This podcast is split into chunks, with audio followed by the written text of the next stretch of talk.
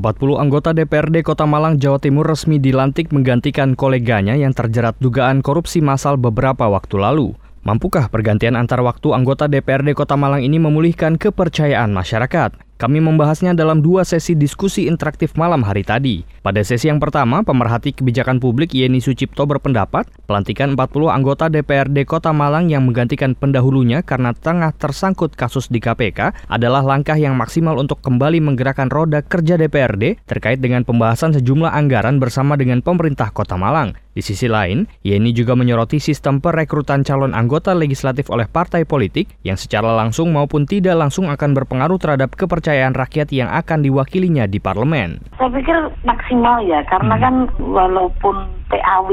Hmm. Dulunya kan para para caleg ini kan juga diberi penguatan ketiga fungsi sebelum dia menjadi DPRD, yaitu fungsi legislasi, fungsi budgeting dan fungsi pengawasan. Nah, kalau kemudian saat ini kan ada beberapa pembahasan yang kemudian harus dilakukan oleh DPRD Kota Malang. Ada pengesahan RAPBD 2018, kemudian ada pembahasan RAPBD 2019, ada LKPJ. Nah ini agak tertatih-tatih saya rasa. Walaupun kemudian teman-teman di DPRD yang PAW itu sudah diberi penguatan. Tetapi ini kan berhadapan pada aspek teknokrasinya dan aspek politisnya. Belum kemudian mendapatkan tantangan dari instruksi partai politik, tapi juga ada tuntutan untuk melakukan pengesahan-pengesahan secara administrasi. Kalau kemudian ini tidak dilakukan segera, saya pikir akan terjadi keterlambatan terutama pada pengesahan APBD P 2018. APBD P 2018 ini kan sudah September.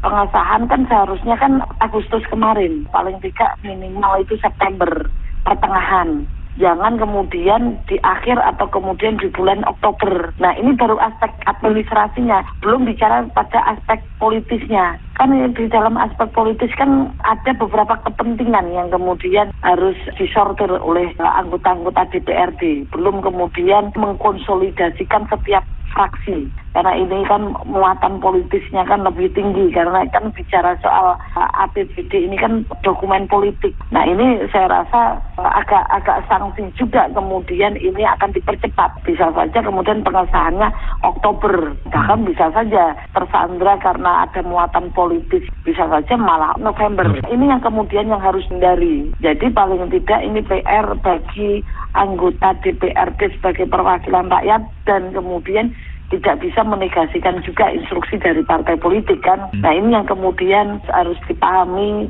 oleh teman-teman PAW nantinya. Ini memang sebuah debatable, tetapi ini lagi-lagi di sistem perekrutan dari partai politik itu. Kalau menganggap bahwa ini akan berpengaruh pada partai politik, ya perlu difikirkan akan tidak berpengaruh kepada partai politik. Kan masih ada kader-kader yang berkualitas, kader-kader yang kredibel, dan mengedepankan integritas. Itu yang harus menjadi panduan bagi partai politik untuk memenuhi komitmen ini agar kemudian calon-calon ini bisa dipilih oleh rakyat sebagai perwakilan dalam memperjuangkan kesejahteraan rakyat di kursi parlemen. Sementara itu pada sesi yang kedua, pengamat politik dari Universitas Pelita Harapan Emrus Sihombing menilai pergantian antar waktu yang dilakukan terhadap anggota DPRD Kota Malang yang menjadi tersangka kasus suap oleh KPK tidak dapat dipastikan kinerjanya lebih baik dan tidak akan tersangkut juga dengan perilaku korupsi. Dikatakan Emrus,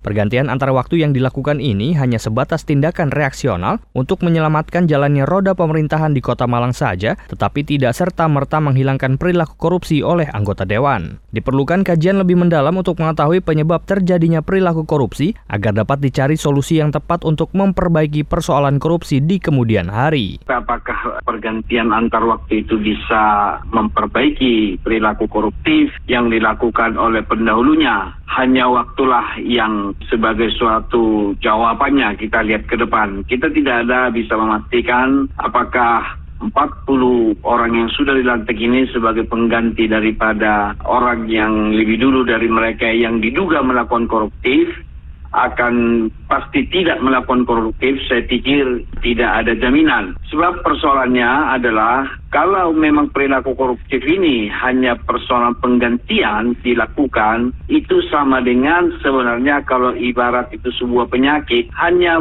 dilakukan treatment mengurangi rasa sakit saja, tetapi tidak sesungguhnya mengobati secara substantif daripada perilaku koruptif tersebut. Karena ini tindakan yang dilakukan sebenarnya hanya sekedar penyelamat agar pelayanan-pelayanan publik di daerah tersebut uh, berjalan dengan baik. Tetapi pergantian antar waktu bukanlah solusi daripada penyelesaian persoalan perilaku koruptif tersebut. Justru saya berpandangan bahwa kita sekarang harusnya berpikir dan membuat suatu kajian yang mendalam sesungguhnya mengapa terjadi perilaku koruptif tersebut setelah kita menemukan mengapa itu terjadi, maka atas dasar itulah kita dapat memperbaiki di hulunya sehingga persoalan koruptif ini bisa teratasi paling tidak bisa mengurangi pada angka yang signifikan daripada perilaku koruptif. Secara akal sehat menurut saya perilaku koruptif itu disebabkan oleh memang biaya politik yang cukup mahal